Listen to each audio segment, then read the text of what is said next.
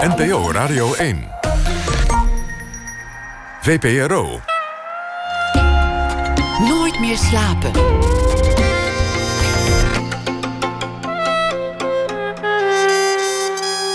Met Pieter van der Wielen. Goedenacht en welkom bij Nooit meer slapen. Rond half twee gaan we met een van de laatste duivenmelkers van Rotterdam naar de kunsthal. Vanwege de tentoonstelling Duivenmelkers over de uitstervende duivensport.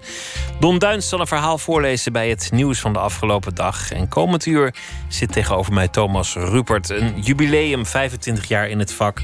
Hij is eh, decorontwerper en kostuumontwerper. En het eh, wordt gevierd met de herneming van een voorstelling van uh, Connie Jansen Danst met wie hij veel samenwerkt. Het is ook zijn eh, partner in eh, leven en werk. Mirror Mirror, een van zijn spectaculaire ontwerpen. Tegenwoordig zit hij veel in Duitsland, waar hij ook eh, ontwerpen doet. En vorig jaar kreeg hij nog een prestigieuze prijs vanwege zijn werk. Thomas Rupert, hartelijk welkom.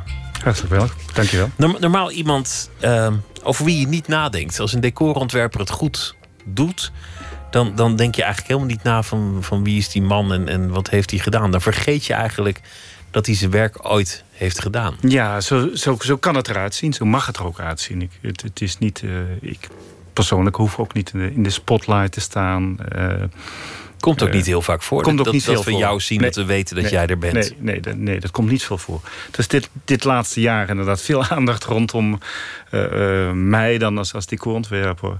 Dat hartstikke leuk. Dus ik vind het wel, wel ontzettend leuk dat er veel aandacht is voor het theater en het theatermaken in het algemeen. Dat, dat je ziet dat het een team is. Dat het niet alleen maar een paar acteurs of dansers zijn die de voorstelling maken. Maar dat, dat je dat met een hele grote groep mensen maakt.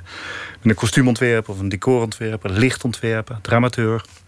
En al die mensen heb je nodig om uh, dat te kunnen maken. En het mooie is dat die mensen staan op het toneel. En ik ben al weg als de première is geweest. Dus, uh, Ga je wel naar de première? Jawel, ja. ja dat wel? Dat wel, ja. En... Ben, ben, je dan net zo gespannen als, als de ander? Of denk je, nou ja, ik weet hoe het eruit ziet? Nee, eigenlijk ben ik niet nerveus voor premières. Nee, ik weet hoe het zou moeten gaan. Ik snap wel dat het altijd en, en voor, acteurs heel spannend kan zijn. Voor mij kan het af en toe spannend zijn als je grote changementen hebt die altijd mis kunnen gaan. Dat kan altijd. Dus, en dat zou jammer zijn als dat op een première gebeurt. Sowieso is dat jammer als dat niet, niet lukt zoals het zou moeten lukken. Maar ja, dat is ook live. Dat is ook theater. Je moet ook strijden met mensen. Allereerst om het geld. Want, uh, want productie zal bij ieder idee zeggen: Oh nee, Thomas, dat wordt te duur. Daar hebben we geen zin in. uh, ja, maar zo, zo begin ik niet. Nooit. Hè. Het is tuurlijk weet ik alle, alle beperkingen die er zijn. En, en Nederland is geen makkelijk land erin om te natuurlijk uh, veel moeten reizen met voorstellingen, trailers, weinig bouwtijd, weinig technici, weinig geld om een decor te kunnen laten maken. Geen eigen ateliers meer. Dus dat weet je, dat is een gegeven. Maar dat, dat is niet een beperking voor mij. Ik vind sowieso alle alle beperkingen wel een, een uitdaging. Uh, als alles mogelijk is en alles kan, dan, dan, dan, dan kun je ook een beetje verdwalen. Het is juist wel goed als er, als er een beperking is. Een andere beperking is, je mag het verhaal niet in de weg zitten. Het verhaal dicteert al wat er moet gebeuren en kunnen gebeuren. De, de acteurs moeten nog kunnen werken op jouw podium. Ja. Hoe, hoeveel strijd gaat eraan vooraf? Uh, tussen, tussen de acteurs of dansers nog niet. Want ik, ik ben eerst in gesprek met, met een regisseur. En met een regisseur ben ik uh, al maanden van tevoren bezig om, om een soort idee, een soort concept te bedenken rondom het, het, beeld, hoe je dat gaat vertellen. En in de dans is dat weer iets anders dan, dan, dan in toneel. In toneel heb je een toneeltekst waarin al soms verteld wordt waar het zich afspeelt dat wil niet zeggen dat ik me daaraan hou. Dat, dat, dat hoeft ook niet. Dat, dat hoeft theater niet te zijn. Je hoeft niet iets na te bootsen. Want dat, dat, dat is niet mijn, mijn manier van vertellen. Of niet mijn manier van verbeelden. Uh, bij dans moet je natuurlijk heel erg zoeken naar een, naar een ruimte waarin gedanst kan worden. Maar soms kan het juist ook heel interessant zijn om daar juist ook weer een, beperking in te zoeken voor die dansers. En dat moet je natuurlijk in eerste instantie heel goed uh, bespreken met, met, met je choreograaf. Of dat, of dat überhaupt mogelijk is. Of om, om dansers inderdaad op water te kunnen laten dansen. Of tussen een enorme berg papier of, of andere materialen die niet gebruikelijk zijn. En daarmee zet je de choreograaf ook op scherp. Ja. Door, door jouw idee haal, haal je misschien ook meer uit zijn voorstelling. Je, je, je, legt eigenlijk een beperking op. Ja, ja, ja ik dwing. Ik, ik dwing ergens naartoe. Uh, en dat, dat, dat vind ik ook wel goed. Ik vind uh, de vrijblijvendheid vind ik gevaarlijk. Vind ik, uh, vind ik, in, in alles hoor, vind ik, vind, ik, vind, ik, vind ik geen fijn iets. Het moet ergens naar, naartoe sturen, naartoe dwingen. En, en als, als je dat, hè, dat moet je absoluut heel goed met een regisseur van choreograaf, moet je dat van tevoren bespreken. En gelukkig mag ik met, met regisseurs en choreografen werken die, die dat aankunnen. Maar, uh, en dan komt dan inderdaad de volgende stap. Kunnen, gaat dat ook met acteurs en gaat dat ook met die dansers? Die staan er uh, zes weken of acht weken in te repeteren. En daarna een hele tour van 60 voorstellingen mee. Uh. Ik herinner me een, een, een toneel dat je had ontworpen dat, dat een beetje schuin stond. Dat, dat, dat helde, als het ware naar het publiek toe. Ja. Ja, ja. Voor acteurs een, een, een soort nachtmerrie. Want die, zijn, die zijn altijd bang om op hun bek te gaan. Op allerlei manieren. Nou, het schuinstaan, eh, dat, dat, dat, hè, vroeger alle oude schouwburgen... die hadden een schuine vloer. We hebben ze er allemaal uit uh, gehaald, omdat het niet arbo was. En dat de, alle flycase, alle kisten, de orkestbak inrolden. Dus alle toneelvloeren zijn weer recht gemaakt. Maar eigenlijk is het veel mooier om een schuine vloer te kijken. Want je ziet, je hebt een veel mooier overzicht. De dieptewerking werkt veel mooier. Maar niet alleen daarvoor, voor, voor het beeld... maar je doet ook iets met acteurs als je ze schuin zet. Bij, bij Onschuld er was een voorstelling, een tekst van Dialogen... en een regie van Elise Zandwijk bij het Groot Theater. Wou ik het, vond ik, zou ik het heel mooi vinden als de acteurs dubbel schuin zouden staan. Dus niet dat de vloer alleen naar boven toe helt, maar ook nog naar links toe helt. Waardoor iedereen uit zijn lood geslagen is. En dat zie je ook, dat al die mensen net, ja, allemaal ja, net scheef op de aardbol staan. En eh, dat, dat, geeft, dat geeft een aparte uh, manier van spelen. Dat dwingt ook een andere mise en scène af. Het geeft een mooi beeld, het geeft een soort spanning. Maar de eerste keer dat je naar die acteurs toe komt en zegt... oké, het wordt een schuin toneel, wat, wat zeggen ze dan? uh, Uh, er kan wel eens iemand klagen. Maar nee, al die acteurs die willen ook die uitdaging aan. En die dansers ook. Tuurlijk, als het te gevaarlijk wordt, kan het niet. En doen we het ook niet. Echt niet. Daar ben ik de eerste in die ook zegt van jongens, dat moeten we absoluut niet doen. Uh, maar we kunnen, we kunnen wel onderzoeken van wat, wat er wel mogelijk is. Ik weet ook nog een andere voorstelling inderdaad. Dat acteurs in kartonnen dozen speelden. We hadden heel weinig geld en we hadden een drieluik gemaakt. En het tweede beeld, toen heb ik gezegd... ik wil 600, 700 kartonnen dozen hebben. En dat wordt het speelveld. Allemaal klein als een honingaat die op de vloer lag. Maar die acteurs die hebben acht weken in kartonnen dozen moeten spelen. Zitten, eh, staan, lopen. Nou, die hadden geen, geen Achillespezen en hamstrings meer over. Die waren kapot. Dus daarom voel je natuurlijk ook wel dat, die, dat er ook een ergernis komt... op een gegeven moment in zo'n repetitieproces. Maar toch is het het waard om, om, om het te proberen. Samen met die acteurs. En ik denk als je dat goed vertelt waarom je het wil... Hè, dat is belangrijk. Dat je niet zomaar zegt, dit is mijn beeld en zo gaan we doen. Maar je moet duidelijk maken waarom je dat wil. Dat je heel veel mensen uh, mee hebt. Ook niet alleen de acteurs, maar ook de techniek of de productie. Of...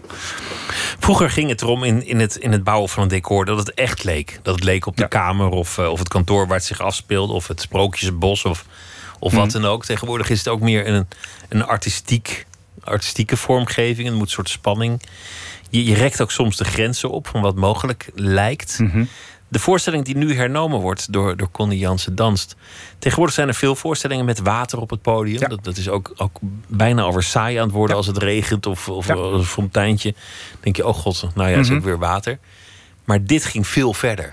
Ja, dit, dit ging om heel veel water. En uh, kijk, het, het, idee begint al soms jaren van tevoren. We, we, hadden, we maken eh, met Connie Dans één keer in de twee jaar... een grote locatievoorstelling in Rotterdam, voor Rotterdam.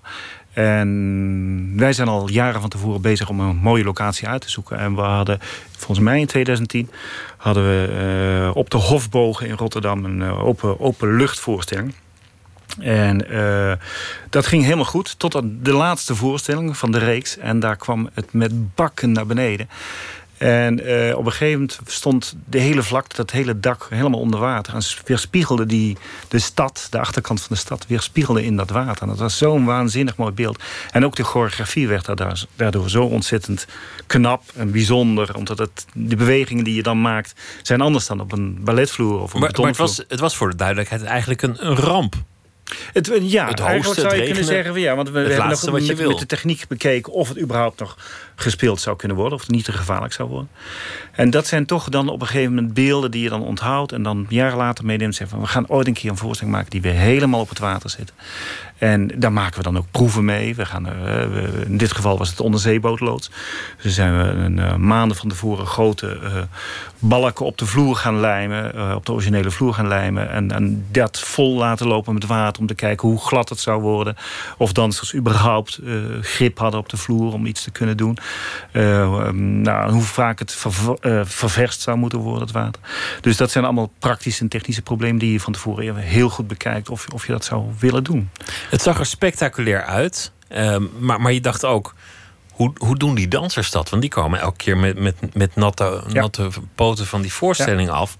Twee uur in het water. Ja. Dat, dat, die moeten voetschimmels hebben gehad van heb ik jou daar. Ja, dat, dat viel mee. We hebben, kijk, het water wordt goed ververst. Dat, dat, dat, dat wordt om de drie dagen wordt het met een grote tankboten wordt het, eh, eh, erin gepompt. En met, met grote pompen eruit gepompt. Wist, jij dat van tevoren, dat het zo vaak verver, Nou, we ververst hadden een paar worden? proeven gemaakt en we wisten wel dat we het om de drie of vier dagen zouden moeten vervangen. En dat ligt dan natuurlijk ook een beetje aan het weer, hoe warm het is of hoe koud het is. En eh, het was eh, de eerste reeks eh, van Mero, dus twee jaar geleden, was het eh, koud in het begin. En aan het eind van de reeks erg warm. Dan, gaat het, dan wordt het erg glad, het laatste. En het koude was natuurlijk helemaal niet leuk voor die dansers, want die willen warme spieren hebben. En, eh, dus dat is wel, eh, ja, die zitten dan met thermopakjes en thermosokken in hun schoeisel. En eh, ja, dat, is- dat is ook ongelooflijk knap dat zij dat, dat zij dat allemaal aandurven en aandoen. En, en dat we met z'n allen kijken of we dat, dat verantwoord kunnen doen. En dat, dat is wel heel bijzonder. Ja.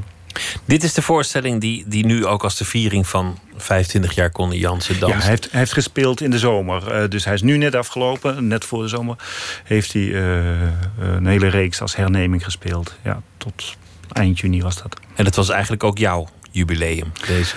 Ja, eh, dit jaar ben ik 25 jaar ontwerp. Ik, ik ontwerp al iets langer het kostuum, decor dingen. Maar echt als zelfstandige eh decorontwerper ben ik nu 25 jaar aan het vak. Ja.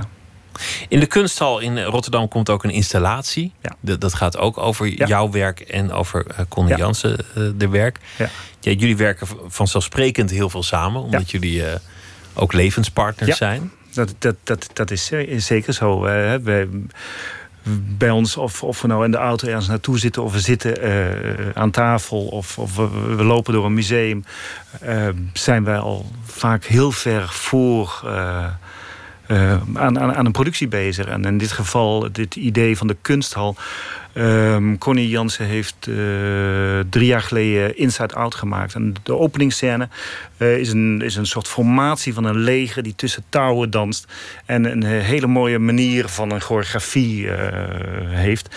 En ehm, ik vond het zo mooi dat het. ehm, we hebben allemaal nou naar, naar een voorstelling van Connie kunnen kijken. En rondom een voorstelling kunnen zitten. En, maar we hebben nog nooit tussen de choreografie van Connie kunnen zijn. En dat was altijd een soort droom van mij. Van wat zou er gebeuren als je als publiek, als kijker... tussen die dansers, tussen die choreografie zou kunnen staan.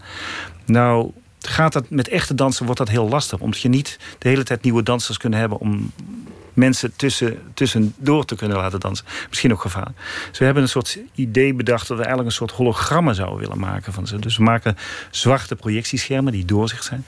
En we hebben elke danser apart gefilmd. En die worden helemaal synchroon... eh, met een soort metronoom worden die opgenomen. En die worden levensgroot, iets groter dan levensgroot. Het worden kleine reuzen van allemaal 2,20 meter. Worden geprojecteerd op die schermen. En eh, het is eigenlijk de bedoeling dat je in die installatie in de kunsthal op 8 september tussen die dansers door kunt lopen. En in die choreografie staat van, eh, van Connie. Dus dat. Een, een droom die een beetje Ja, uitkomt. Een ja, gedachte die ja. je al lang had. Ja, absoluut. Ja. En zo, zo ontwikkelen we elke, elke keer een nieuw eh, concept of een beeld. Of een, hè, we worden opnieuw geïnspireerd om over volgend jaar weer nieuwe, nieuwe te maken of het jaar daarna. Vorig jaar in de, in de gashouder in Rotterdam ook zo'n prachtige Ja. leegstaande plek. De eerste keer dat, dat Connie binnenkwam, stierf het er van, van het ongedierte en was het ontzettend smerig. Eigenlijk een, een soort onmogelijke gedachte om daar een theater van te maken. Zelfs al was het tijdelijk. Meteen bij binnenkomst had je allerlei stoelen. Eindeloos veel stoelen neergezet. Mhm. Dan, dan moet je dus al maanden van tevoren alle, alle meubelhandels afgaan en, en alle tweedehandsmarkten. Ja, en, en, gelukkig hoef ik dat niet alleen te doen. Er zijn natuurlijk mensen die de productie doen. Uh, die, die zoekt dan inderdaad op marktplaatsen alle meubelhallen en uh, naar, naar mijn advies de, de, de, de juiste spullen af. en dat waren dan in dit geval, want ik wou het publiek laten zitten op al die stoelen. Dus we hadden 600 of 700 man publiek. Dus en ik wou allemaal verschillende stoelen hebben. Omdat dat meer een verhaal vertelt dan een tribune. Een tribune is een, zijn witte, plastic kuipjes en die vertellen geen verhaal. Maar elke stoel heeft een leven en heeft een geschiedenis. En dat heeft, maakt ook een veel poëtischer, mooier beeld... als je een hele grote cirkel maakt van... Uh, 35 meter doorsnede was hij geloof ik. Waar 700 stoelen staan. En uh, gelukkig uh, hoef ik die zelf niet te gaan zoeken. Maar dat is een enorm karwei. Dat is zeker een ja. ja. ik doe soms inderdaad ook wat mensen wat aan, ja.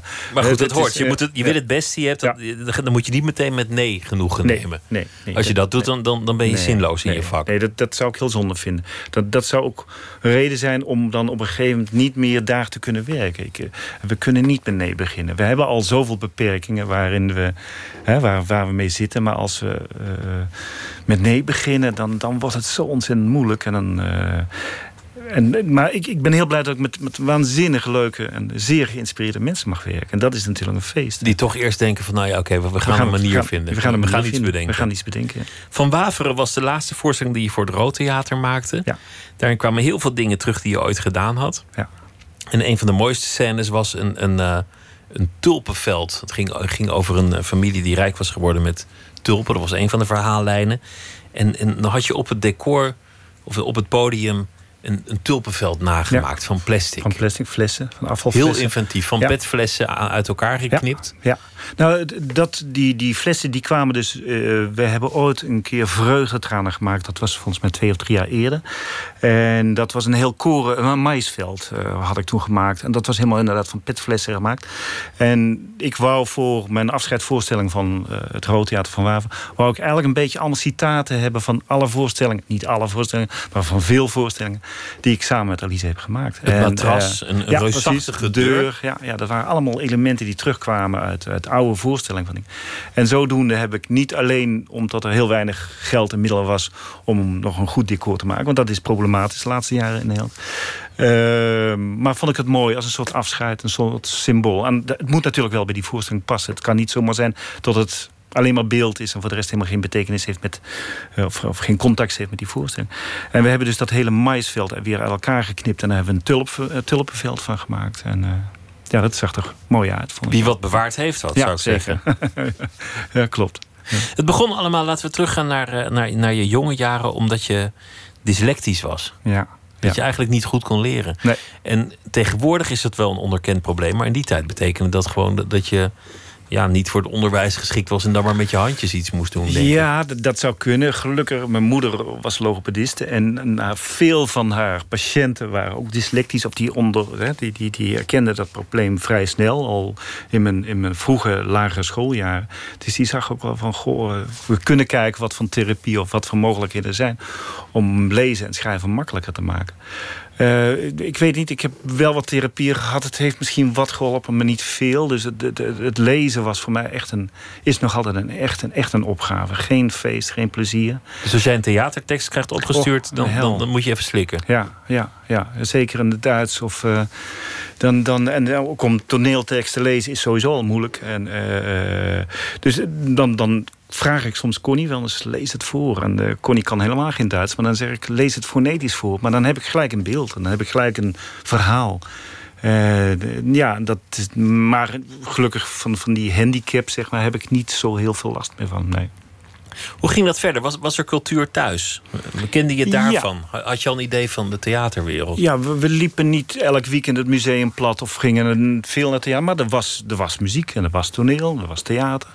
En uh, uh, dus, dus dat, is, dat is altijd gestimuleerd, ja, zeker. En uh, veel, ja, ik, ik kan niet zo 1, 2, 3 benoemen tot ik daar al gelijk dacht toen ik 12 was van oh toneel dat wordt mijn wereld. Nee, dat is pas later gekomen, een stuk later. Ja.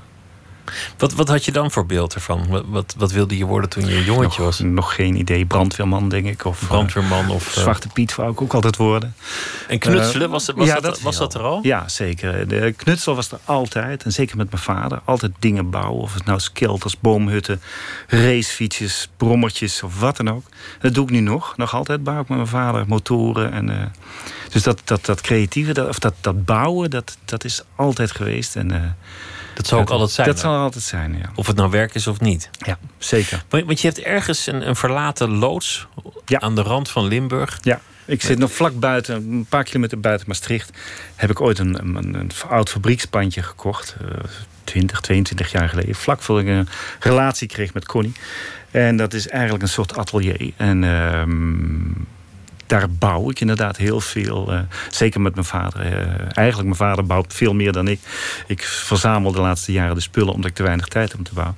Maar daar bouw ik inderdaad veel uh, auto's, motoren, maar ook maquettes of stukken proefdecor. Hè. Dat als je naar een atelier toe gaat, dat je toch zelf eerst een onderzoek doet van hoe gaat dat materiaal werken. Of dat je niet een, een, heel decor gaat bouwen, dat heeft geen zin. Maar gewoon twee vierkante meter. En dat maakt mijn vader dan al een beetje voor. En dan bewerk ik het en neem ik het mee naar de presentatie om te kijken van jongens, zo zou ik het uh, het liefste uh, het gemaakt willen hebben. Maar dat is ook het genot op zich, het, het knutselen. Als je bezig bent met ja. zo'n motorfiets of een decor ja. of, of, een, of een maquette of, ja. of een, uh, een onderzeeboot, dat schijn je ook zelf te kunnen bouwen. Ja, dat, dat kan. Dan, dan, dan is daar eigenlijk al het plezier voor jou. Ja, ik denk, denk de, de combinatie tussen het creatieve en de ambacht, die combinatie bij elkaar vind ik wel waanzinnig leuk. En eigenlijk in mijn vak maak ik nog wel maquettes, maar decors bouw ik nooit meer. Dat, dat, dat doen speciale. In Duitsland heb je gewoon in elk huis heeft een eigen atelier. Maar uh, in Nederland zijn dat gewoon professionele decorateliers die, die mijn decor groot maken. Uh, uh, zelf doe ik er niet meer veel aan. af en toe mag ik er nog een beetje aan schilderen en dat is het. En, maar hoe is die stap gegaan van, van iemand die graag knutselt, maar, maar niet zo goed kan lezen naar de theaterwereld? Want het, het lijkt eigenlijk op je lijf geschreven. Maar dan moet je ja. ook nog maar achter zien ja, te komen. Dan, dan moet je achter zien te komen. En um, nou, de middelbare school ging niet goed. Ik ging thuis ook behoorlijk puberen. Dus ik ging vroeg uit huis. Ging werken in Take 5, een kroeg die net open was in Maastricht. En uh, ja, daar ontmoette ik een paar hele bijzondere jongens, een paar broers. En die zagen ook een soort creatieve tijd in mij. En die zeiden van, jij moet, uh, jij moet niet hier blijven hangen, je moet verder. En een van die broers, John Waterval, die heeft me naar uh, de opleiding in Antwerpen gebracht. Dat was een modeopleiding. Ik dacht nog toen, mode vind ik heel erg leuk en interessant. Dat vind ik ook, waanzinnig. En dat was toen in die tijd een hele uh, hoog aangeschreven vakopleiding. Dus daar ben ik aan begonnen. En eigenlijk had ik geen havendiploma. En was de kans dat ik daar zou aangenomen worden niet heel. Maar ik heb dat twee dagen toelatingsexamen gedaan. En de directrice kwam naar me toe en die zei van... nou, ik geef je één kans. Je moet het eerste jaar min, minimaal 80% halen. En dan uh, mag je blijven, anders dan hoeven je je nooit meer te zien. Nou, dat heb ik gedaan.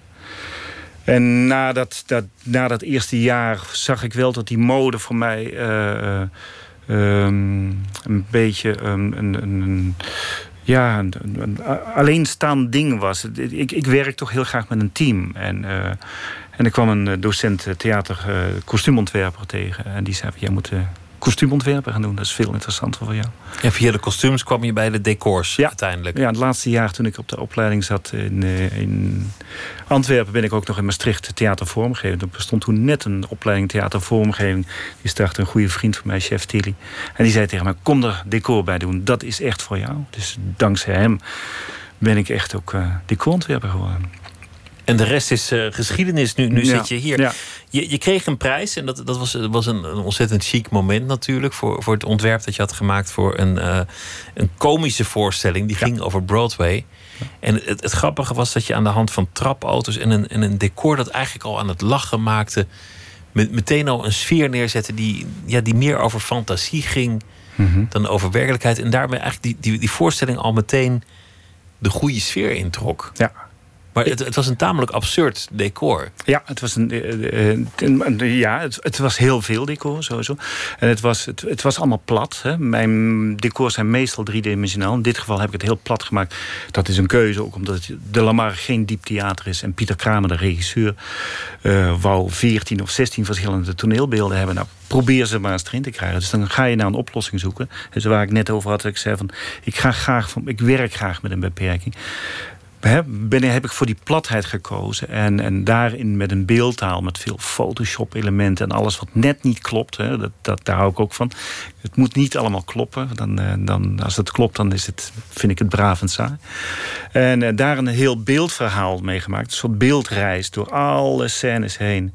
En, en, en in, die, in die beelden ook, ook een stuk humor gemaakt. Dat, dat vind ik ook belangrijk. Zeker voor, voor het werk van Pieter. En in dit geval voor die eh, in de band van Broadway. Met Ja, ja, en, een, en een kast. En het, was, het, het komische element werd, werd, werd, werd heel vet door dat decor. Iedereen kwam al op in een trapauto. En het, het, was echt een fantasiewereld. Ja, dat klopt. Ja, ja. een grote, eh, ja, eigenlijk een heel groot striptekenboek met een bizar kleurenpalet waar je, waar je, waar je tegenaan keek. Dan alles schoof open of trok weg. Of, en binnen een mum van tijd stond er ook weer een nieuw beeld. En dat maakt het eigenlijk heel dynamisch en heel speels. Er moet een feest zijn geweest om dat te bedenken. En dan, en dan het ook nog echt te laten lukken. Ja, zeker. Dat, elk beeld wat, wat je mag bedenken, dat, dat is een feest. Het is, het is wel waanzinnig. Dat was waanzinnig veel werk.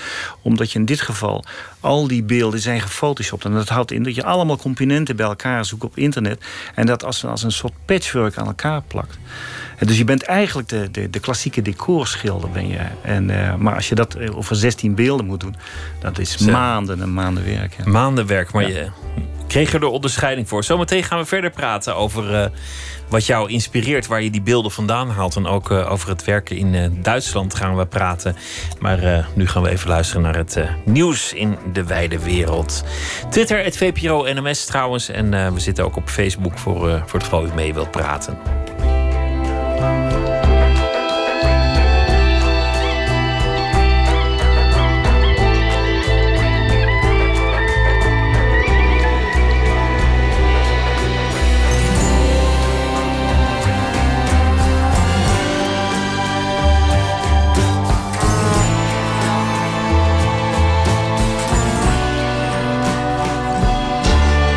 Radio 1, het nieuws van alle kanten. Het is 1 uur, Waterwalgemoed met het NWS Journaal. Noord-Korea heeft een aantal nog onbekende projectielen gelanceerd... die daarna in zee zijn gestort. Het Zuid-Koreaanse leger meldt lanceringen... en onderzoekt wat er is afgeschoten.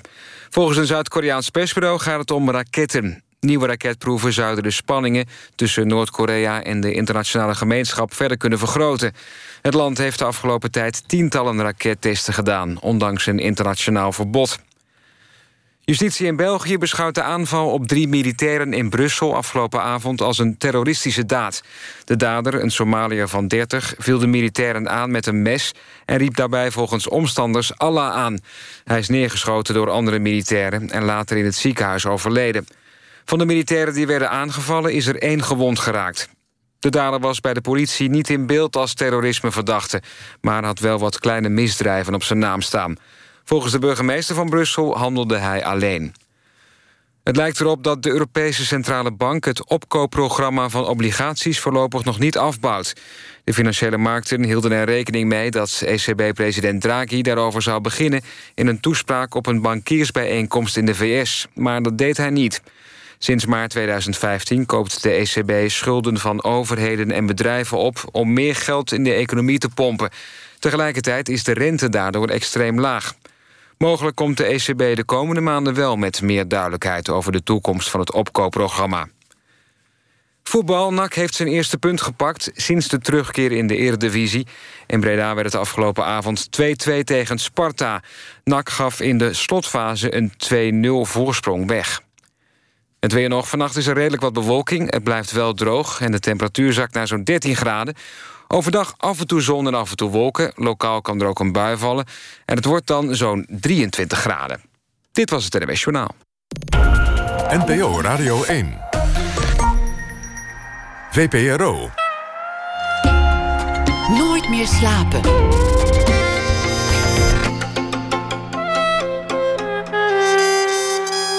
Met Pieter van der Wielen. U luistert naar uh, Nooit meer slapen. Tegenover mij zit uh, Thomas Rupert. Hij is uh, decorontwerper, werkt veel in Duitsland. Maar ook in Nederland heeft hij alle hoeken van de cultuurwereld gezien. En heel veel baanbrekende ontwerpen gedaan. En dit is het jaar waarin hij 25 jaar in het vak zit. Vaak werkt hij samen met zijn partner Connie Jansen van Connie Jansen Danst. En we hebben het gehad over een aantal ontwerpen die, die je al hebt gemaakt. Het gaat vaak om, om herhalingen. Dat, dat lijkt je op de een of andere manier mooi te vinden een, een, een, een beeld van reeksen, zeg maar. Dat, dat, kan, dat kan sterker werken. Hè? Dus als je een object een aantal keer kopieert en herhaalt... en, en daar een diepte mee maakt of een vlak mee maakt... kan dat gelijk... Uh, een, een, uh, dan is het niet meer alleen het object op zich... maar dan wordt het een nieuw object. Dan wordt het een vloer of dan wordt het een element... En, uh, of dan wordt het een wand. Wat je noemde kartonnen dozen, dat, dat is er maar één. Heel veel dozen bij elkaar dan, dan heb je relatief goedkoop decor. Ja, ja dat was een goedkoop Maar, maar het is meteen heel spectaculair. Ja, ja dat, geeft een, dat geeft een heel mooi beeld. Zeker als je dat met, met een eh, goede lichtontwerper heel mooi belicht... dan kan dat uh, er waanzinnig goed uitzien. Ja.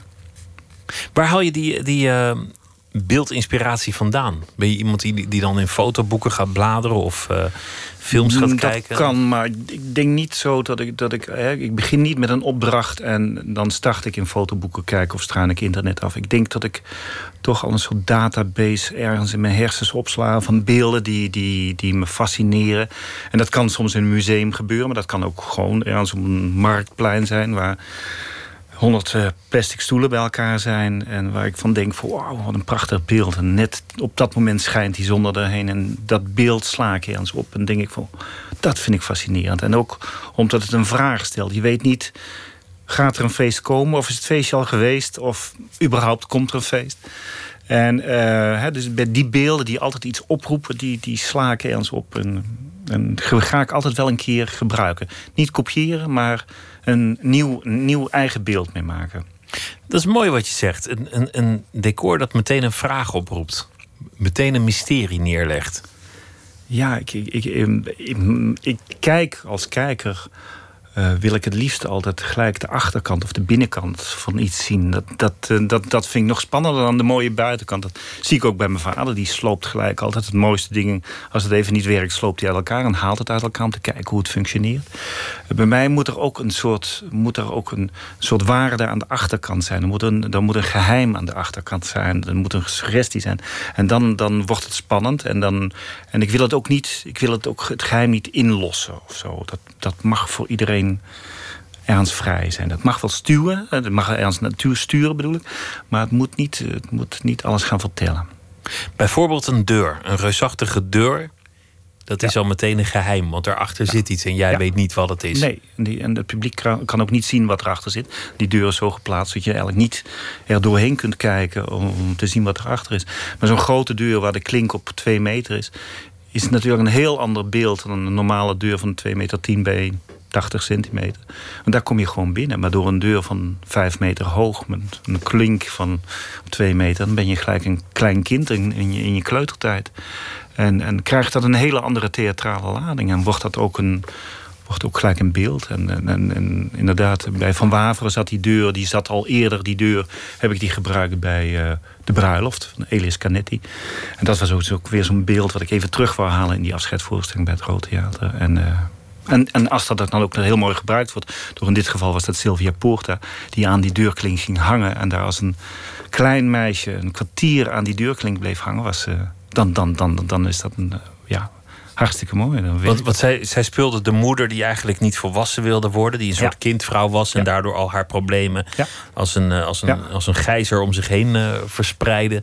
En dat hangen aan die deur was eigenlijk het dramatische moment dat je als toeschouwer dacht het wordt niks meer met het die vrouw. Het wordt niks meer met die vrouw. Nee. Hopeloos. Ja. Wat een prachtige actrice is dat trouwens. Ja. Ja. Ja. Maar dit, dat betekent dat je met, met heel weinig middelen alles kunt doen. Want, want een, een matrasje, zat, mm -hmm. zat ook in die voorstelling, ja. ook in de andere. Ja. Dat, dat kan op een podium alles betekenen. Ja, dat het kan, kan zelfs een veilige haven zijn. Iemands persoonlijke ruimte worden. Je kan eigenlijk mensen ook alles wijsmaken, volgens mij.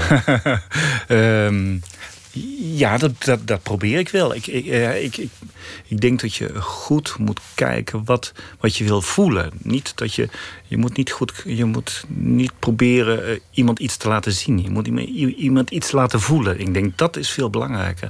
En um, niet, bij, niet elke voorstelling kan dat hoor. Want soms heb je een decor wat voorgeschreven is. Nu in de Lamar staat Geen Paniek. En dat is een, uh, ook weer een zomerproductie van Anton Uithaar.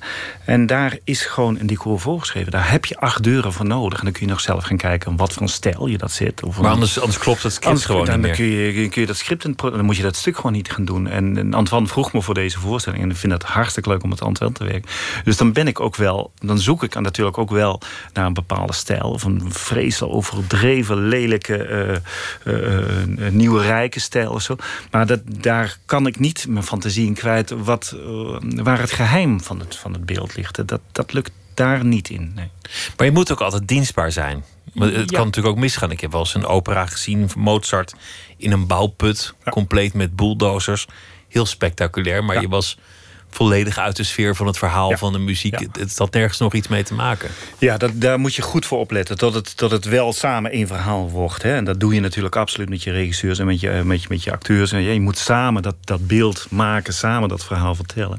En, uh, dus, dus ik ben in mijn beeld absoluut dienstbaar aan, aan het stuk. En dat is goed ook. Ik, uh, ik ben geen autonoom kunstenaar die vanuit niks uh, zeg maar een, een schilderij zou kunnen maken. Of een, of een, of een beeldhouwwerk zou kunnen maken. Dat, dat zou ik een stuk moeilijker vinden. Je moet samenwerken.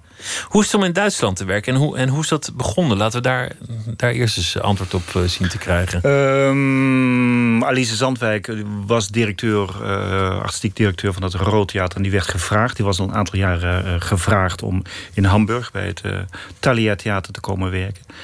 Uh, als gastregisseur. En van daaruit heb ik, eh, ben ik met haar meegegaan. En heb ik daar een aantal uh, jaren gewerkt. Een aantal voorstellingen gemaakt. En dan komt er op een gegeven moment weer een vraag. Omdat natuurlijk andere regisseurs je, je werk zien. En van daaruit werk je dan met David Busch in Bochum. Of werk je met,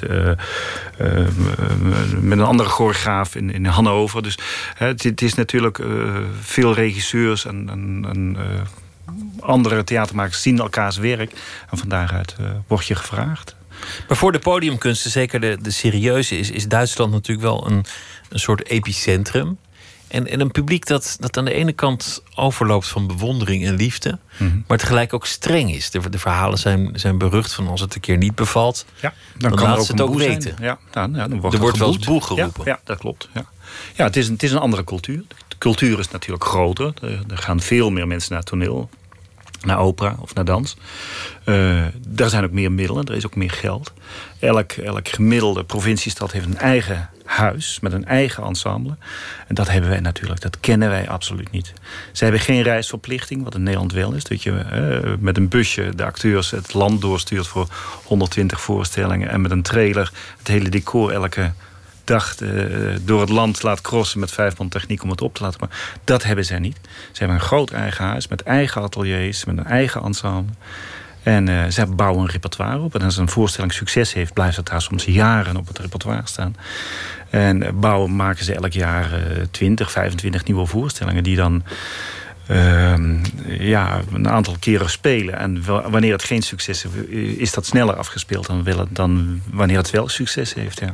Dat klinkt eigenlijk als het land van melk en honing voor theatermakers. Ja, het, er, is meer ruimte. Er, is, er wordt veel meer gemaakt, dat zeker. Uh, maar je ziet dat daar ook de grenzen bereikt zijn. Je ziet ook dat daar ook al gekeken wordt... kunnen we uh, niet wat minder gaan maken? Kunnen we ook niet soms wat minder... Of, of, ateliers gaan samenvoegen van verschillende gezelschappen? dus daar kan er ook nog wel een bezuiniging gaan komen. Niet in de hele grote huizen als Berlijn of Hamburg of München. Daar zal het, daar zal het nog eh, de komende jaren heel goed gaan. Maar in de kleine provinciale uh, steden zal het, zal het moeizamer gaan worden. Maar het is nu nog beter. De budgetten zijn hoger, de zalen zitten voller. Dat is geen vergelijk. Dat is geen vergelijk beter georganiseerd. Nee. nee. als je weet dat in Nederland, geloof ik op dit moment nog 28 acteurs van vaste dienst zijn. Hè, bij elkaar. En dat heeft Theater Bochum heeft er volgens mij al 25 of 26 alleen. En als je dan naar het Deutsches Theater gaat, die hebben er 50 in, in vaste dienst. En het Thalia Theater Hamburg, dat is één theater in Hamburg, die heeft er ook al 40. En dan heb je nog het Schauspielhaus. Dus dat, is geen vergelijk. Nee. Ook geen vergelijk met wat wij uitgegeven aan, aan, aan toneel. Een gemiddeld kaartje. Ik heb vorig jaar een productie gedaan aan het Zurich. Dan kost een toneelkaartje 120 Zwitser frank. Nou, ik denk dat je hier in Nederland dat niet kunt vragen voor een uh, toneelkaartje. Dat dan komt er gewoon niemand. Nee, komt er gewoon niet. Nee, nee. Ik, vind, ik vind ook dat dat te duur is hoor. Ik vind ook dat eigenlijk toneelkaartjes uh, niet duurder moeten zijn dan 25 euro, het liefst. Omdat iedereen het zou mogen zien. Gelukkig zijn er heel veel systemen dat studenten en ouderen ook naar, uh, met kortingspassen naar toneel kunnen gaan. Maar het, het moet toegankelijk blijven voor iedereen. Kunst mag wel elitair zijn, maar iedereen mag het kunnen zien. Ja, moet, dat is ook een soort ideaal geweest. In de laatste lange tijd ook het ideaal achter het hele systeem van subsidie. Ja. slotte. Om te voorkomen dat het maar voor een paar mensen weggelegd was. Hoe is het om, om daar te werken? Kon je, kon je makkelijk aarden in de, in de Duitse cultuur? Nou, het, hele rare is toen ik helemaal begon, in mijn, eh, toen ik uh, stage ging lopen, toen begon ik in de opera in Düsseldorf. En toen deed ik de Ring des Nibelungen. En dan ben je assistent van de assistent, als het ware. Uh, en dat heb ik keurig volbracht. Ik heb het volgens mij twee stukken gedaan. En toen heb ik mijn contractje keurig teruggegeven. Want ik vond het zo groot en zo megalomaan.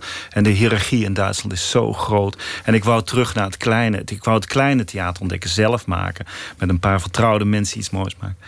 Um, na, ik geloof, na 15 jaar later kom ik in diezelfde opera terug. En vind ik het een feest om te werken. Omdat je uh, het systeem snapt. Het is hiërarchisch, maar als je uh, gewoon heel normaal en goed met al deze systemen en mensen omgaat, kun je, daar, uh, kun je daar fantastische dingen maken. En er zijn er inderdaad waanzinnige mogelijkheden om uh, alles te kunnen maken wat je maar kunt bedenken. En uh, dat, dat is een feest. Ja, ja. En ik ben er nu aan gewend. Ik vind het soms zwaar om zoveel van huis te zijn. Zeker als je dan echt ver weg bent. Dan, dan, dan mis je thuis wel eens. Maar het, het werken in Duitsland vind ik wel fijn, ja. En hoe doe je dat als je, als je dan nu daar bent en, en, en weer hier komt? Mis je wel eens het, uh, het, contact of, of reizen jullie met elkaar mee? Of? Nee, Connie reist niet met, kan niet met me meereizen. Ze heeft haar eigen gezelschap. En staat natuurlijk ook elke dag voor haar, uh, in, haar in haar eigen bedrijf om, om haar voorstellingen te maken. Dus zij kan niet altijd mee. Nee, ze gaat soms mee naar een première of om een paar laatste dagen van een première om, om te zien. Maar vaak zit ik in een appartement of zit ik in een hotel. Dus dat, dat is soms minder. Ja, dat, eh, dat is niet anders. Maar uh, daartegenover is het wel fantastisch dat je elke keer weer opnieuw zo'n zo'n uh, theaterverhaal mag maken met z'n allen. En voor mij is het dan ook heel mooi dat het ook ergens eindigt. Het, hè, die première die is in zicht. En bij mij is dat ook echt de laatste dag dat ik er ben. 25 jaar is een, is een lange tijd. Ik, ik kan me ook voorstellen dat, er, dat er een moment komt in je leven dat je, dat je gaat nadenken van... Ja, wat, wat is er nog te bereiken? Wat is er nog te doen? Um, wat, moet ik, wat moet ik nou nog? Ga, ga ik nou nog tien voorstellingen maken? Of... Uh, ja, misschien gaat dat. Dat moment is nog lang niet daar. Dat voel ik. Dat, dat is nog lang niet daar. Uh, dat zal er misschien wel een keer komen. Ik, ik weet heel graag dat ik een aantal opera's zou ik graag wil doen. Ik doe weinig opera's. Je ziet toch dat hè, die circuits van dans, toneel, dat zijn eigen circuit. Gelukkig doe ik, kan ik het allebei doen. Opera heb ik een aantal keren gedaan, maar dat doe ik niet heel erg vaak. Uh, televisie of, of film doe ik eigenlijk helemaal niet. Daar ligt ook niet zo mijn. mijn dat is, een, dat is een gescheiden wereld. Dat zijn gescheiden werelden, ja. ja. Bij, tussen de belichting en zo zie je nog wel dat film, televisie, theater nog wel een beetje door elkaar heen gaan.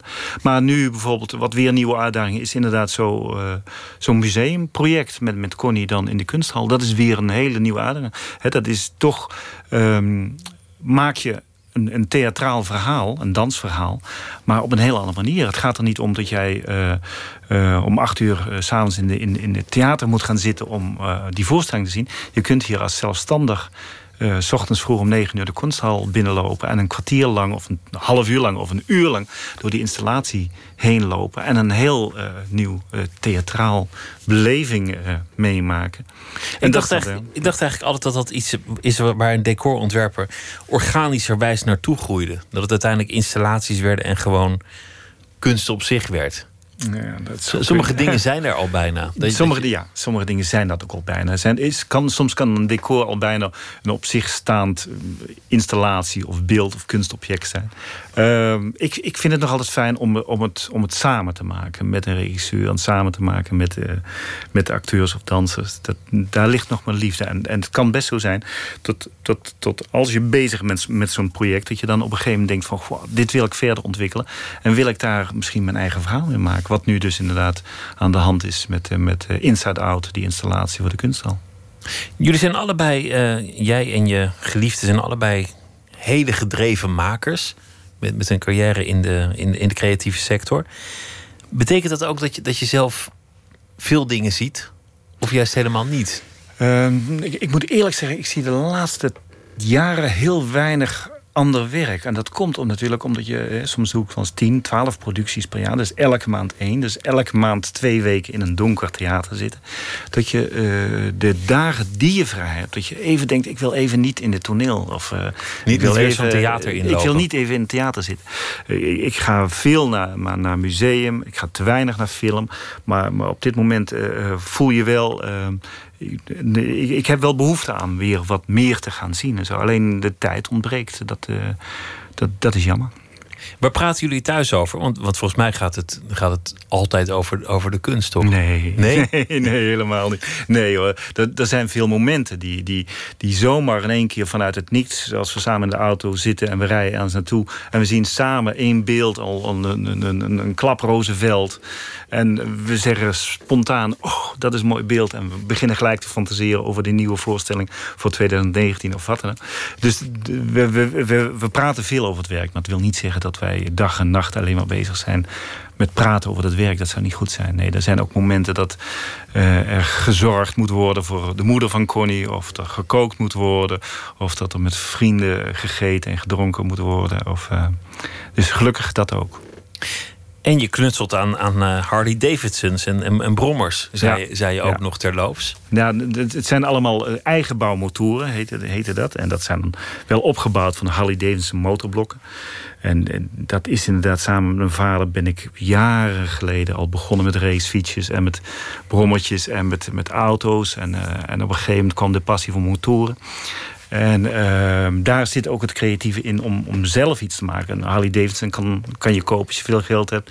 En dan koop je die Harley Davidson, die kleur die je wil hebben. Dan is dat het ding. Maar bij ons zit de fantasie om zelf je hele eigen bouw te maken. Zelf naar eigen inzichten. Met de, de, de, de, de juist gekozen materialen, de juiste maten. En met de juiste look. En eh, van daaruit beginnen vanaf nul. Hè. Dan, dan zoek ik eh, oude spullen op, op marktplaatsen voor eBay. En we maken een frame en eh, we reviseren het blok en dan beginnen we te bouwen. En, dan bouwen. en dat zijn natuurlijk eigen bouw. Dus dan moet je een type bouwen, een type goedkeuring voor krijgen. Dus je moet ze in Lelystad laten keuren. Anders mag je het dan niet mee de weg op. Dat lijkt me heel spannend. Ja, dat, dat, Dan, dan kom je daar met je, met je de maanden werken. Dan, dan zegt zo'n inspecteur, nou, Ja, dat, Nee, hoor. Het gebeurt wel vaker dat je twee of drie keer terug moet komen. Omdat die eisen vrij streng zijn. Ook, ook, ook qua geluidsnormen en milieu eh, dingen. En, en, en hij moet ook goed rijden. moet veilig zijn. Moet goed remmen, goed sturen. En moet alles kunnen wat een fabrieksmotor doet. En, eh, en die testpiloten die dat doen, die, die kunnen echt rijden. Dus die weten heel snel eh, van dit is een goed gebouwde motor of een slecht gebouwde motor. Dus die stuur je gelijk naar huis als die eh, niet in orde is. je bent net vanochtend teruggekomen uit Canada... want je was met je, je broer, die piloot is geworden... een rondreis aan het maken. Ja. Al daar ook op een Harley Davidson. Ja, ik, ik vanochtend geland uit Calgary. Mijn broer is, is, piloot bij, bij, de KLM. En hij neemt mij elk jaar, mag ik met hem mee... eh, naar een mooie bestemming, een, een, een, drie- of vierdaagse bestemming. En dan gaan we samen motorrijden. En eh, nu was het Calgary. Dus ik kom net uit de, uit de Rocky Mountains gereden. En eh, dat is natuurlijk fantastisch dat je dat samen met je broer zou kunnen doen. Want we, we hebben te weinig tijd om elkaar te veel te zien. En dit zijn hele mooie momenten om dat samen te doen. Dat lijkt me echt geweldig. Met je broer samen op de, op de motor. Ja. Dat, dat wijdse landschap door. Ja. En ja, dan, en het was eh, prachtig weer. En, en om vijf uur 's ochtends door de Rockies te rijden en de zon zien opkomen, dat, eh, dat, dat inspireert ook. Dat, eh, en misschien heb ik nu alweer beelden opgeslagen die ik ooit weer ga gebruiken. In, een, een beeld ergens van een landschap Ja. of een, of een, of een bergbeek. fascinerend inderdaad. Van de spiegelende meren waar die bergen in, in, en die wolken in spiegelen. Het is een prachtig landschap. Het is ongelooflijk groot. En, en ja, ik geloof dat we in twee dagen tijd meer dan 900 kilometer hebben gereden. Dus we hebben een goede tijd gehad. En dan terugkomen en dan is, het, is daar het feest en het, het jubileum en de, de ode in de kunsthal die, die er aankomt. Wat, wat gaat de toekomst brengen wat betreft het vak? Want er, is natuurlijk zoveel aan het veranderen op het gebied van techniek. Zoveel mogelijkheden die zich, mm die zich langzaamaan toch wel zullen openbaren. Maar die, die je eigenlijk nog niet heel veel ziet. Nee, nee je ziet het gebruik van schermen zie je wel wat meer, van video. Ja, dat, dat is al wat langer natuurlijk. Dat, dat, dat er veel gebruikt wordt van, van andere media, van, van, van video. Of, uh, maar, maar inderdaad van 3D of, of, of, of hologram. Of, of, dat, dat, dat zie je nog niet zoveel. Maar dat gaat, dat gaat zeker komen. Ik denk dat de oude middelen zullen altijd blijven bestaan. Omdat het ook een, een, een snelle manier is om een beeldverhaal te maken. Maar uh, er zullen zeker nieuwe middelen gaan komen. Wat die gaan zijn, weet ik nog niet zo 1, 2, 3. is ook voor de, misschien de komende generatie. Ik geef zelf ook les op de, op de academie in Maastricht en Istanbul en Londen. En uh, dat, dat is ook leuk om te zien dat je um, met die jonge mensen... dat die echt met, met, andere, met andere middelen proberen een beeld uh, te want, maken. Want voor die nieuwe generatie heeft theater ook een heel andere betekenis waarschijnlijk. Ja, ik denk het, denk het ook. Ik denk het ook. Ik denk dat, hè, dat zij niet meer zo heel erg bezig zijn met een, een, een verhaal. Uh, dus zeg maar een, een Shakespeare uh, te vertellen. Maar dat ze veel meer bezig met zijn met een soort performance. Dat zie je de laatste jaren steeds meer gebeuren. Dat er een soort theatrale kunstinstallaties gemaakt worden. Waarin gespeeld, gemimd, gedanst wordt. En dat, is, dat, is, dat, dat is echt wel nieuw ten opzichte van 15 jaar geleden. Maar het mooie is, en ik, ik meen dat dat zo is. Dat, dat ondanks dat we, dat we alles hebben, smartphones en internet en, en iedereen op alle manieren met elkaar verbonden, dat de magie van in zo'n zaal gaan zitten en naar iets kijken op een podium dat daar gebeurt op dat moment en dat je, hm. dat je met de rest deelt, dat, dat blijft. Dat zal zeker En ook die nieuwe generatie vindt dat volgens mij ja. toch iets ultiems. Ik denk, ik denk ook dat het altijd zal blijven. Ik kan me niet voorstellen dat het oude toneel of de oude opera, dat dat niet meer zou bestaan. Dat kan ik me niet voorstellen. Omdat het zo magisch is dat je hè, met een paar mensen uh, een uur of twee of drie uur lang uh, zo'n verhaal, zo'n reis kunt maken. En uh, ik, ik kan, me, kan me niet voorstellen dat dat uiteindelijk zal verdwijnen. Dat je even daar een wereld uit het niets kunt laten opdoemen. Ja. ja. En, die, en die met z'n allen doormaken. Ja. Wat gaat, er, wat gaat het een nieuwe cultuurseizoen je brengen? Want dit, dit is zo'n beetje de, de, de tijd van het jaar dat al die programmaboekjes in de bus rollen. Uh, ja, het is, het is nu heel druk. Ik ben nu bezig in Bremen, ook weer met Elise Zandwijk. Uh, Fremdes House, een stuk van DLO. Dat gaat eind september in première. En dan ga ik gelijk naar Theater Bochum. Daar doe ik Istanbul, dat is een liederenavond. En daarna ga ik door naar Hannover. Daar doe ik een dansproductie met Jurk Mannes, Daphne en Chloe. Dat is een half met live orkest. En hier in Nederland doe ik nog um, Man van je leven, uh, de Lamar-productie. Regie van uh, Gijs de Lange. En ik doe nog vastgoed BV, Jacques Senef productie, Job Goschalk. Uh, en die gaat ook ergens september in première. Dus het is nu razend druk. Alles loopt tegelijkertijd. Wat, wat, een, wat, een, wat een lijst, joh. Ja, het is, het is ook misschien nu te veel. Dat, dat, dat moet ik ook eerlijk toegeven. Soms loopt het zo omdat zeker die Duitse planningen die lopen soms jaren voor, vooruit. Hè, dat je dan al bepaalt wanneer je wat wanneer gaat doen. En dan komen dingen bij en dan gaan dingen schuiven. En uh, er komt vraag bij. Uh, ik vind het leuk om met nieuwe mensen met andere regisseurs te werken. Uh, en dan vaak gebeurt het dat je loyaal wil zijn met de mensen waar je al zo lang mee werkt. En dat je natuurlijk met nieuwe mensen wil werken. Dat het sommige periodes erg druk is. Dat dat te veel is. Gelukkig heb ik een hele goede assistent. Die, die, die, die me die heel de praktische kant organiseert. Ja, ja, zeker. In Duitsland heb ik altijd een assistent in het huis zelf. Dus elk huis heeft zijn eigen assistentes. In Nederland heb ik gelijk een persoonlijke assistent... die eigenlijk al mijn Nederlandse producties uh, begeleidt. Ja. Nou, dat zegt ook wel dat je heel gedreven bent als je zoveel dingen doet. Ja. Dat, dat je niet graag nee zegt op iets. Nee, dat, die honger, die is er nog. Ja, die honger is er nog zeker. Na, na 25 jaar. Ja, absoluut. Ja. Ja. Vanaf 8 september ook te zien in de, de kunsthal, de, de installatie. En uh, de voorstellingen die zijn, uh, nou ja, de hele lijst die je noemt, uh, die, die komt er dus aan. Ja. Het was me genoeg om je hier te hebben. Thomas Rupert, dank je wel. En dank je wel. heel veel succes in het komende seizoen. 13 oktober gaat het uh, debuutalbum verschijnen van Luton. En dat is een melodieus uh, popproject van een ervaren muzikante. Tessa Douwstra en samen met uh, Frank Wink. En dit is het subtiel startende nummer Pinball.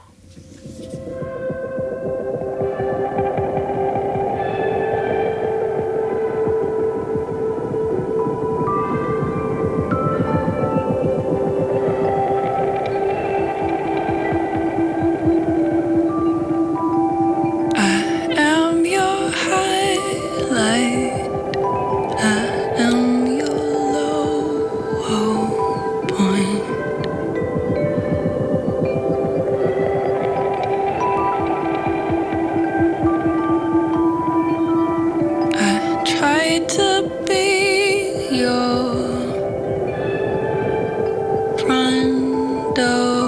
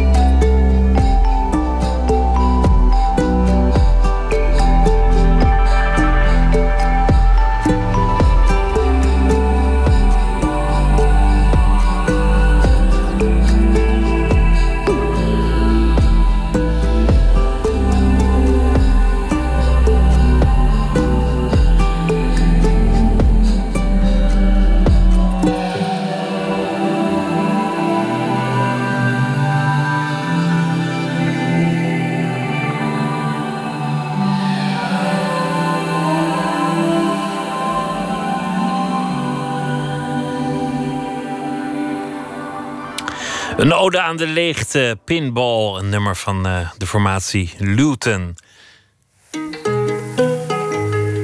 Don Duins is deze week onze vaste schrijver. Elke nacht maakt hij een verhaal over de dag die achter ons ligt. Hij schrijft normaal voor uh, theater en ook voor uh, televisie. En hij schrijft ook boeken, columns en deze week dus radio. Elke nacht een verhaal. Dit wordt de vijfde. Don, goeienacht. Goedenacht, Pieter. De vijfde alweer. Wat, uh, wat heeft je vandaag geïnspireerd? Nou, ik ben uh, naar allerlei voorstellingen geweest. In het Zeeland Nazomerfestival. Uh, aan de Oesterdam en bij de Schouwburg in Middelburg. Vlaklanders, dat was heel mooi. Maar daar heb ik niet over geschreven, maar dat beviel me wel. En dat was de hele dag? Daar, ben je, daar heb je meerdere voorstellingen op één dag bekeken? Ja, het is Zeeland, hè, dus je bent onderweg met de bus. En ik zit nu nog bij station Goes. Ik ben ergens gestrand. Maar we kunnen natuurlijk eh, prima bellen. Oh, je, je komt niet meer thuis. Jawel, nou ja, er komt vanzelf weer een trein. De eerste trein van morgenochtend die zal helemaal van jou zijn, Don. En er zit niemand in. in Zeeland. oh, je slaapt in Zeeland. Oh, ik, dacht al, jij komt nooit meer terug. ik ben benieuwd welk verhaal je gaat uh, voordragen. Ja, het heet Een tikkeltje te casual. Het is dag 163 van de formatie. Terwijl ons land al in paniek raakt van een dronken monteur in een busje vol gasflessen en een sneuwe grappenmaker uit Zevenbergen, zijn de heren politici, want het zijn alleen maar mannen, nog steeds zorgeloos met elkaar in gesprek over een nieuw te vormen kabinet. Op een foto in het Algemeen Dagblad van vandaag zien we de leiders van de delegaties van VVD, CDA, D66 en ChristenUnie uit een met klimop begroeid gebouw op landgoed de Zwaluwenberg komen. En wat zien ze er heerlijk gewoon uit. Mark Rutte, monter als altijd, gaat gehuld in jeans, een vlot overhemd... en draagt aan zijn voeten zijn eeuwige All-Star schimpies. Ook Alexander Pechtold en Gert-Jan Segers van de ChristenUnie zien er qua styling uit... of ze zich klaarmaken voor een doldwaas familieweekend in een huisjespark op de Veluwe. Alleen Sibrand Buma van het CDA houdt het relatief netjes... met zijn bruine schoenen en gestreken pantalon en overhemd. De boodschap die de politici willen uitdragen met hun nazomerse nonchalance is duidelijk. Er is niks aan de hand. Wij zijn chill in gesprek op wat Rutte noemt een perfecte locatie. Waar je na gedane zaken even een glas wijn kan drinken. De enige die er op de foto wat zuur bijloopt is Alexander Pechtold. Ondanks zijn dagelijkse kloffie. Wat de vraag oproept, zou hij zich wel zo thuis voelen in deze overwegend liberaal-christelijke omgeving? Pechtold ziet eruit als iemand die zich schraps gaat zetten. Iemand die zijn kont tegen de krip gaat gooien. Hij kijkt dan ook niet in de lens, zoals de rest, maar naar de grond, die bezaaid is met kiezelstenen. Zoals ook de formatie nog vol obstakels zit. Al het optimisme ten spijt. Volgens Pechtold komen nu pas de moeilijke onderwerpen aan bod. Of zoals Segers zegt, nu is het voor het echi. En dan kun je s'avonds wel lekker gaan relaxen met je Matties, Mark, Siebrand en Gert-Jan onder het genot van een goed glas wijn en een bitterbal. Maar je moet juist in deze fase enorm oppassen. En dat besefte D66-voorman.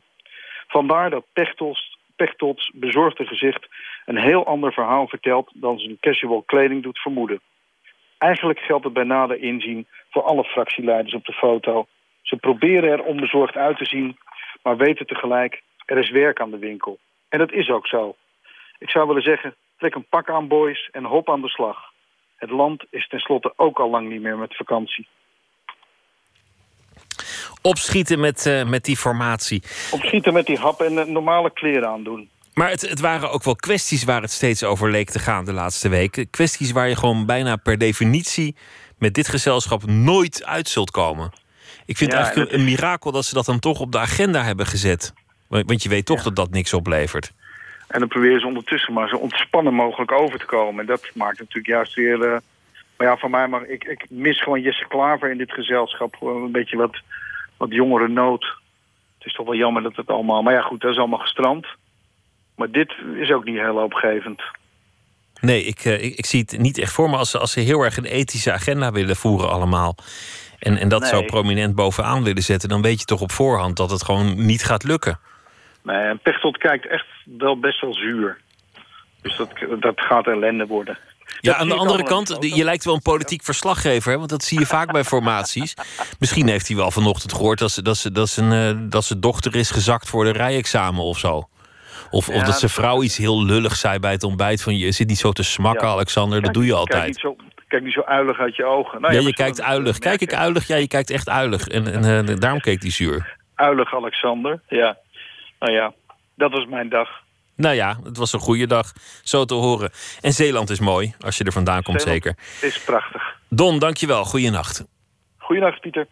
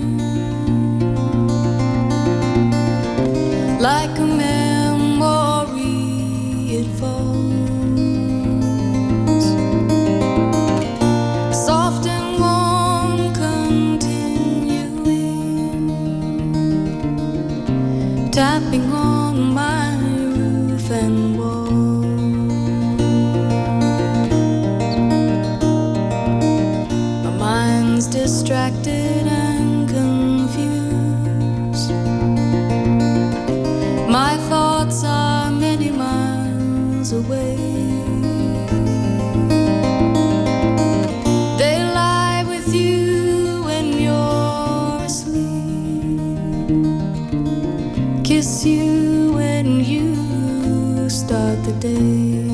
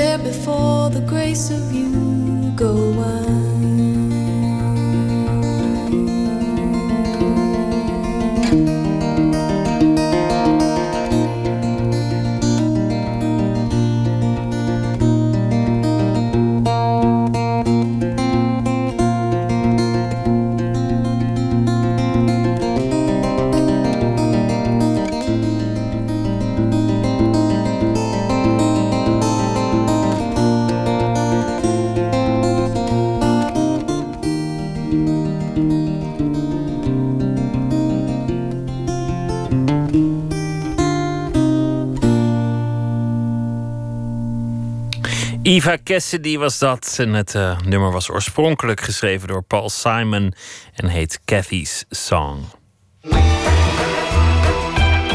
Nooit meer slapen.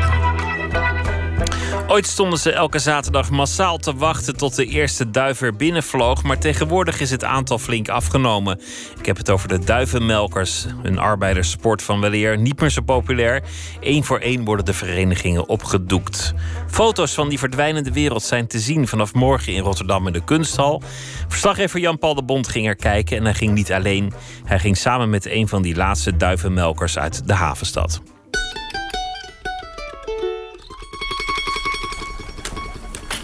Kom maar jongens. Hop.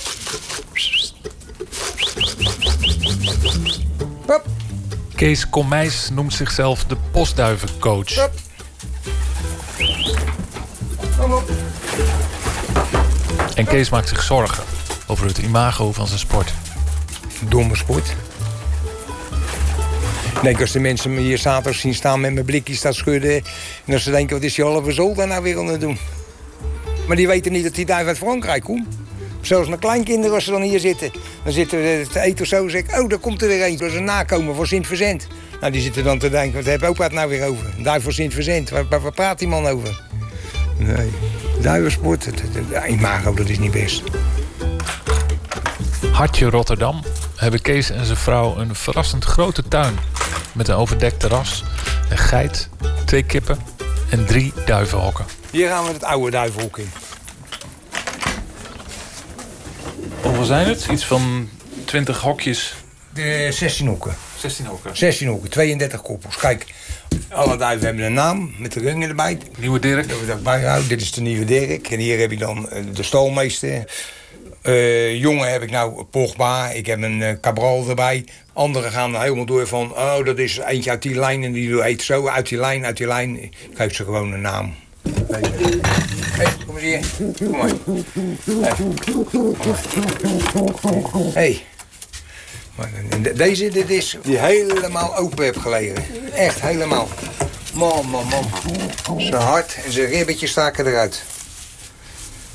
Heb ik helemaal genaaid. Nou, je ziet er niks meer van. Helemaal, helemaal mooi. Kijk, Maar dat heb je zelf genaaid? helemaal zelf genaaid. Zelf helemaal opgeknapt. Mooi Zelf allemaal hechtingen. gefunctioneerd. En dan de hechtingen. En dan, eh, Hoe doe je dat dan? Gewoon met naald en draad? ja, naald en draad. Nou, en toen 14 dagen later is het mooi geheeld.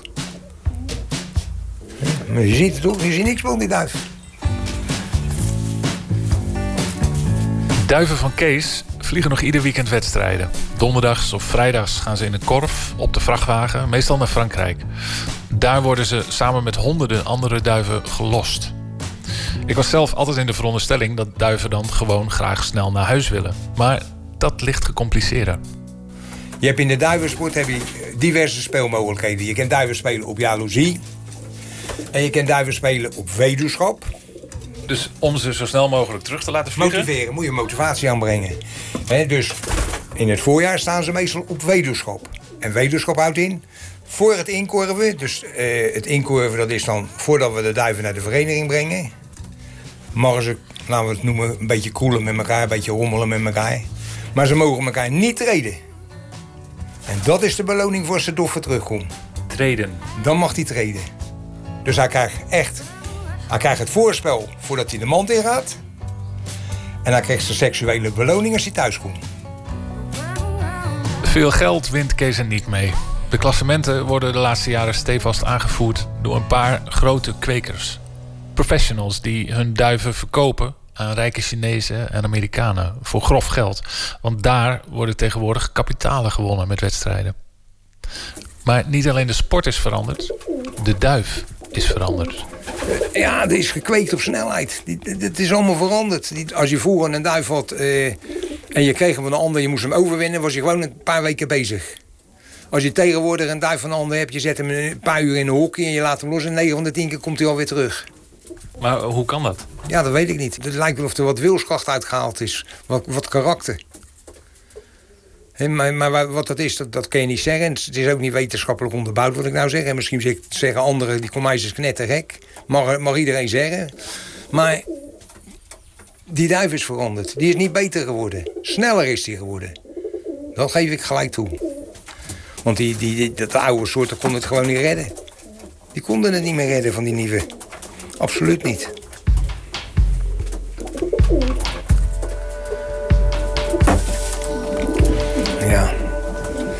Ja, ik zit hier eh, helemaal alleen in het wijk. Vroeger hadden we hier zo in het wijk in Spangen, daarbij in eh Delfshaven... zaten we met eh, ongeveer zeven verenigingen.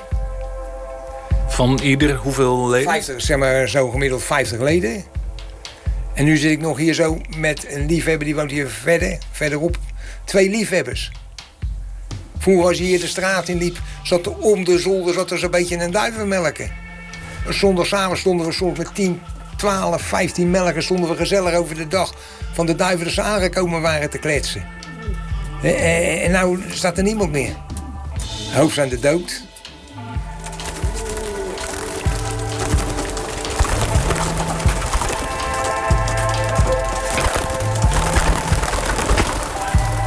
Kees kan zijn hart ophalen in de kunsthal. Fotograaf Zack Waters volgde jarenlang het Engelse postduivenverenigingsleven. Dus volkswijken, achterbuurten, sjovele duivenhokjes, oude vrachtwagens... en die typische Britse working class gezichten. Fanatiek? Fanatieke kop, hè? Mooi, hè? Dat fanatisme wat uit die ogen spreekt. Want er spreekt fanatisme uit, hè? Zo'n mannetje ook ziet staan. Oei, oei, oei. Ik denk als je daar een discussie mee aangaat, net als met mij, dat je dan knetterrek wordt. Ik herken me een beetje zoals hij daar staat. Ik vind er hele mooie foto's bij zitten. Ik herken ook het duivensport uit het verleden. Dat herken je daar.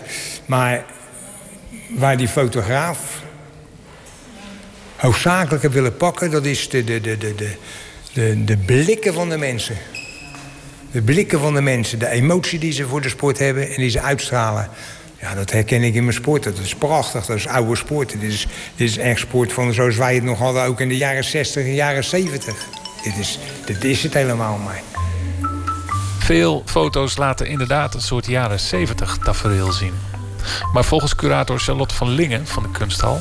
is het werk van Zack Waters eigenlijk relatief recent. Ik ben al vanaf 2008 volgens mij met hem in gesprek over deze tentoonstelling. En uh, hij kon er geen afscheid van nemen, dus hij bleef maar fotograferen. Ik vind het geweldig mooi. Ja. En voor duivenmelkers van het hele land, heb ik hem ook gezegd... Die, die, moeten, die zouden dit moeten zien, dat is mooi. Maar voor een niet-duivenmelker... Ja, die foto moet hem aanspreken en de dieptes van de nou, foto. Oh, wacht even, maar dan kom ik om de hoek kijken. Wacht even. Uh, u kijkt er anders tegenaan dan ik. En wat het leuke is, is dat de opzet van de tentoonstelling is wat wij nu doen. Dus u bent de kenner, ik ben uh, de kijker. En ik wil heel graag van u dat verhaal horen terwijl we naar die foto's kijken. En mijn insteek is geweest, wat je hier ziet, het zijn klein, is een, een, wereld op zichzelf. Dus het is een kleine wereld met hele bijzondere regels en afspraken. En spanning en feest en, uh, en leuke afspraken. Vriendschappen voor tot in het oneindige, tot het einde van het leven. Dat vind ik bijzonder. En waar, weet u ook, hoe is de duivensport begonnen? Dat zijn arbeiders geweest die gezegd hebben van... nou, dit is nou van ons, dit is ons gebied. Hier hebben wij lol in, dit vinden we ook belangrijk. Ja, er zit natuurlijk altijd een soort symboliek van de grote vrijheid uh, achter. Maar dat was jullie overweging om een subcultuur hier in beeld te brengen? Nou, subcultuur, ik vind het belangrijk om te laten zien. Want, bedoel, ik, ja, ik heb vroeger zelf naast een duivenmelker gewoond. En op een dag denk je van, hé, hey, dit, dit verdwijnt. Dat zie, ik zie nooit meer mannetjes uh, met, een, uh, met zo'n blikje en uh, wat maiskorreltjes te staan schudden... of zo te staan buigen naar al die vogels. Oh, je doet het nog, nou heel goed. Dus dat verdwijnt. En op zoek naar van, goh, wat, wat gebeurt er eigenlijk met, met die sport? Want het is een sport en ook met die wereld. Uh, stuitte ik uh, op Zack Waters. Die daar als een, als een gek achteraan aan het fotograferen ging. Omdat hij dacht, dit verdwijnt. En dit is zo mooi eigenlijk. Het zijn werelden die, die raken we kwijt. En dat moet je laten zien, denk ik. Hoe de duivenmelker uit Holland verdween. Maar Kees wilde nog niet aan. Want ik denk juist dat die aanloop er wel zit van die jonge lui. Het is duur geworden. Maar je kan ook met zes duiven op het balkonnetje zitten. En de jeugd wil gokken. Echt, ga maar kijken bij de tabaksoep. Ze staan in de rij om te gaan gokken. Dan moet je in die sport een kleine beetje gokken. En dan heb ik het niet over 100 euro inzetten. Of nee, dat kleine gokje van een halve euro en een euro of 20 eurocent. Als je dat terugbrengt, dat die knapen zeggen van... joh, ik heb 10 euro gewonnen van het weekend. Ja, dan, dan, gaat die sport weer leven. Want dan gaan ze van 6 duiven naar 12 duiven, van 12 duiven naar 15 duiven. Ze zoeken een locatie op waar ze ze kunnen houden. En, en, en dan gaat hij weer leven. Al dus de postduivencoach Kees Komijs in gesprek met Jan-Paul de Bond. De foto-expositie Duivenmelkers is te zien in de kunsthal in Rotterdam vanaf morgen. Soms kunnen twee stemmen het samen ineens heel uh, mooi doen. Zoals tussen singer-songwriter Garrett Cato en achtergrondzangeres Amanda Ebony.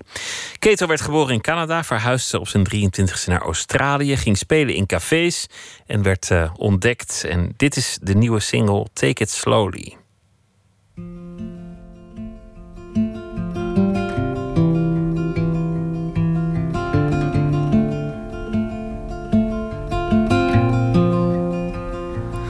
If we last through the winter, drive the car as far as we can go, and we can be different people than our reputations we were born into. And it's just some things I don't like talking about. This ain't the kind of place I like to be hanging around. So we can take it slowly through the nighttime, growing in life You can be my always, one and always, and we can be just fine. We're just fine.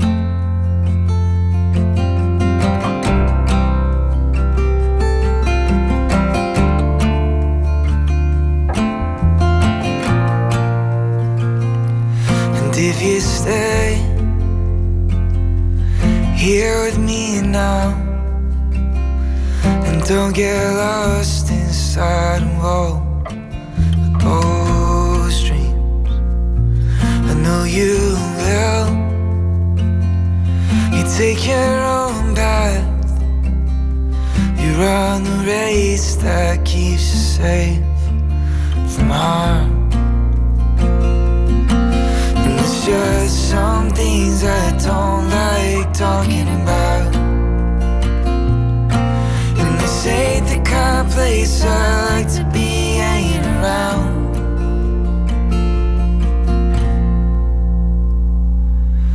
So we can take it slowly through the nighttime, growing in life. You can be my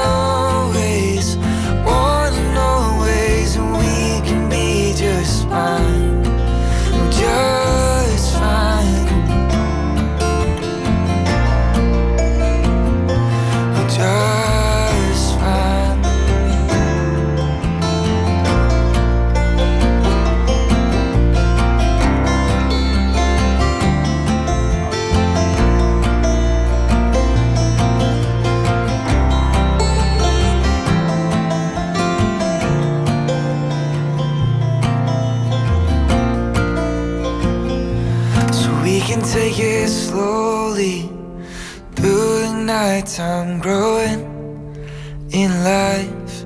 You can be my always, one and always, and we can be just fine.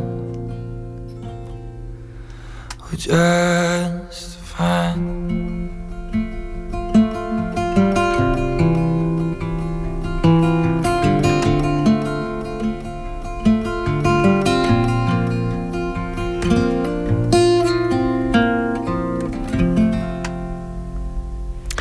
Jared Kado was dat met Take It Slowly.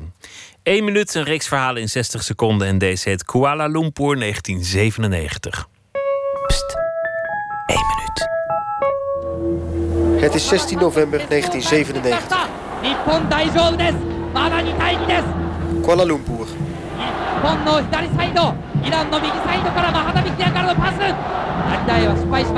タイムの同点です。さあもう一度イランのエンドに日本入ってきたところですが縦のパスは中田ボールを奪ってさあ左右を見た中田が来た中田が来たシュート!どうだ?リバウンド!シュート!岡野岡野 V ゴール!日本!日本!フランス上陸!日本!フランスに上陸!ワールドカップのトムマレーシア時間 !11 時36分! kwalificeert zich voor de eerste keer in de geschiedenis voor het wereldkampioenschap voetbal.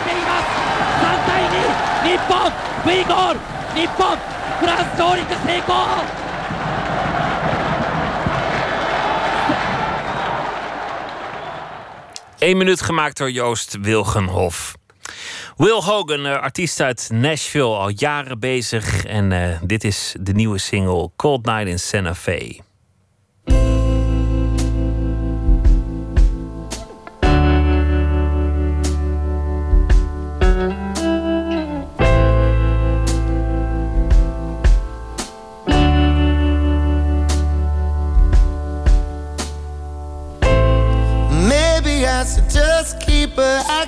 Like nothing's wrong. Or maybe that's a damn fool's way of just holding on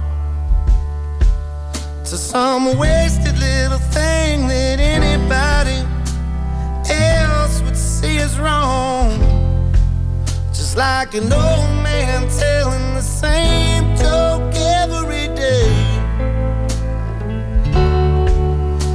ain't the knowing that it's over, it's the watching it slipping away.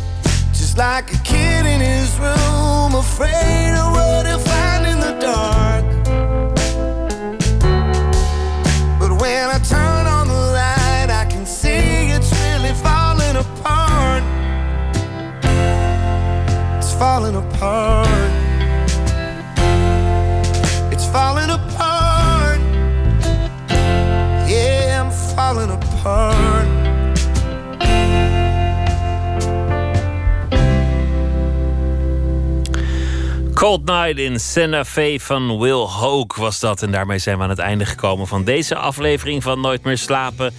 De nacht van maandag op dinsdag zijn we er weer met ontwerper Piet Hein Eek op bezoek. En zo meteen op deze zender kunt u luisteren naar eh, de NPO-VARA eh, BNN-organisatie samen met Malou Holshuizen.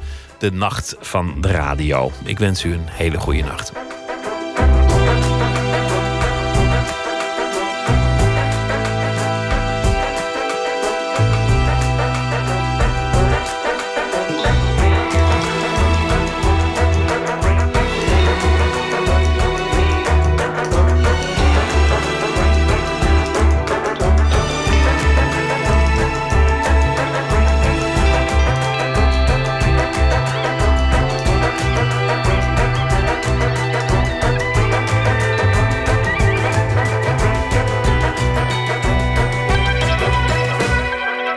Radio 1.